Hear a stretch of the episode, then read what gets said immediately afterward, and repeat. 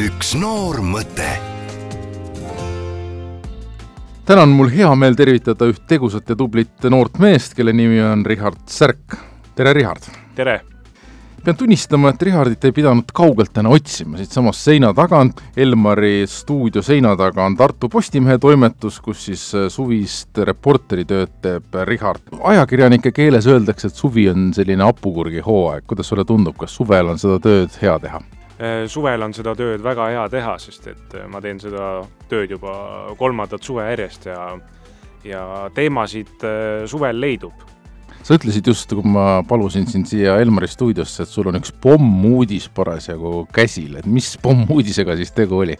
minu jaoks on see kindlasti pommuudis, sellepärast noh, teadupärast äh, laulu- ja tantsupeod toimuvad viie aasta tagant, järgmine noortepidu peaks toimuma siis äh, äh, kahekümne seitsmendal aastal ja järgmine üldpidu kahekümne üheksandal, aga nüüd need jäetakse ära ja koondatakse üheks ürituseks, mis toimub kahekümne kaheksandal aastal siis aga mis tüüp ajakirjanik sa oled, oled sa siis selline püstolreporter, uuriv ajakirjanik või noh, analüütiline ja ühiskonda seirav žurnalist või midagi neljandat hoopis? ma ei ole ennast niimoodi määratlenud äh, kunagi, et mulle meeldib näiteks reportaaže väga kirjutada muidugi, et teha oma tööd, aga selline püstol ma nüüd otseselt, mulle ei meeldi väga kiiresti asju teha. ma panin tähele, et sa oled kirjutanud päris palju Venemaa sigadustest ja Ukraina sõjast. ma ei hakka nüüd küsima, miks, vaid ma küsin pigem niipidi, et kas see tähendab, et sind paeluks ka selline rindereporteri eh, roll? kahtlemata ma sellisest pakkumisest ära ei ütleks, kui, kui mulle see tehtaks, näiteks eh, minna Donbassi kuhugi, et see oleks kindlasti noh, näha koha peal seda, see on kindlasti väga raske, aga aga samas ka väga õpetlik, ma arvan.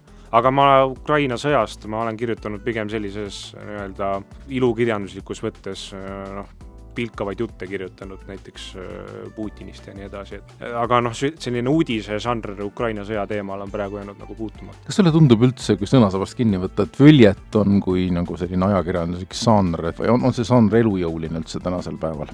ajakirjanduses äh, noh, vähesed viljelevad, ütleme Mart Juur ja Andrus Kivirähk, minu, minu arust seda võiks rohkem olla, aga ma ise kahjuks sellega viimasel ajal eriti, eriti ei ole jõudnud teha. Juhan Peegel on öelnud, et ajakirjanik võid sa olla, inimene pead sa olema olema. mis sinu jaoks see lause tähendab? no eks ta on ikkagi see, et sa teed oma tööd, kirjutad lugusid, aga sa pead ikkagi inimesi kuulama, ütleme nii, et sul peab olema empaatiavõime inimeste suhtes, et äh, praegu ma tegin ka, tegin Ülenurme karjuvatest lehmadest tegin loo näiteks, et noh, võibki tunduda naljakas, eks ole, aga äh, sa pead püüdma neid mõista, et äh, praegu noh, ühiskonnas on väga palju nii-öelda pilkavaid kommentaare nende inimeste kohta, aga, aga ajakirjanikuna ma ei saa kuidagi sellise hoiakuga olla, et, et nad on nüüd napakad või midagi. aga mis teeb eh, ühest ajakirjanikust hea ajakirjaniku? natukene sa juba vastasid sellele, aga kui pisut laiendada seda vastust klišee oleks, et, et lai silmaring ja avatud äh, silmad ja kõrvad, et käid ringi ja kuulad inimesi ja, ja oskad näha mingisuguseid teemasid nii-öelda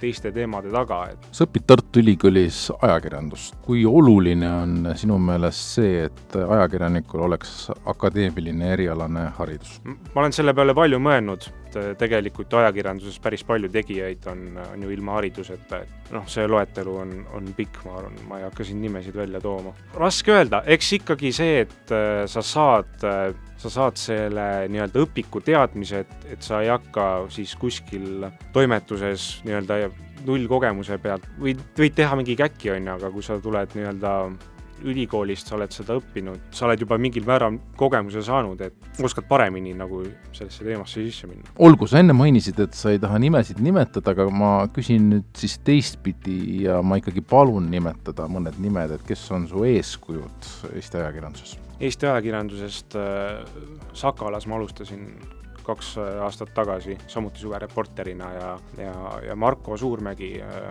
Sakala peatoimetaja asetäitja, on minu arust äh, üks Eesti, üks Eesti parimaid ajakirjanikke, küll häbiväärselt vähe nagu räägitakse temast, aga, aga tema lugusid ma loen vahel niisama ka, kui, mis sest, et need on juba mitu aastat vanad, et sealt on palju kõrvale, kõrva taha panna, et Marko teemade leidmise oskus on, on nagu imetlusväärne. millised on su tulevikuplaanid ajakirjanduses, kas sa ikkagi mm, plaanid jääda kirjutavasse meediasse või ka siin televisioon, raadio või no mis iganes kaugemas tulevikus meediat ees ootab, millised žanrid, millised vormid, millised kanalid, ega me seda kõike isegi ette ei kujutagi praegu. kui te praegu küsite, siis, siis ma ütleks, et kirjutav meedia, minu, minu lähitulevik nagu kindlasti, et aga ma ei tea, võib-olla jaanuaris ma olen juba, olen ERR-is näiteks praktikal, et ma olen sellise väga hüpliku loomuga, aga mulle kirjutada meeldib iseenesest, et ja päris lõpetuseks, mida sa soovitaksid või, või, või mida sa paneksid südamele oma eakaaslastele, kes ei pruugi üldse olla sinu ametivennad või ametiõed, aga lihtsalt noored inimesed?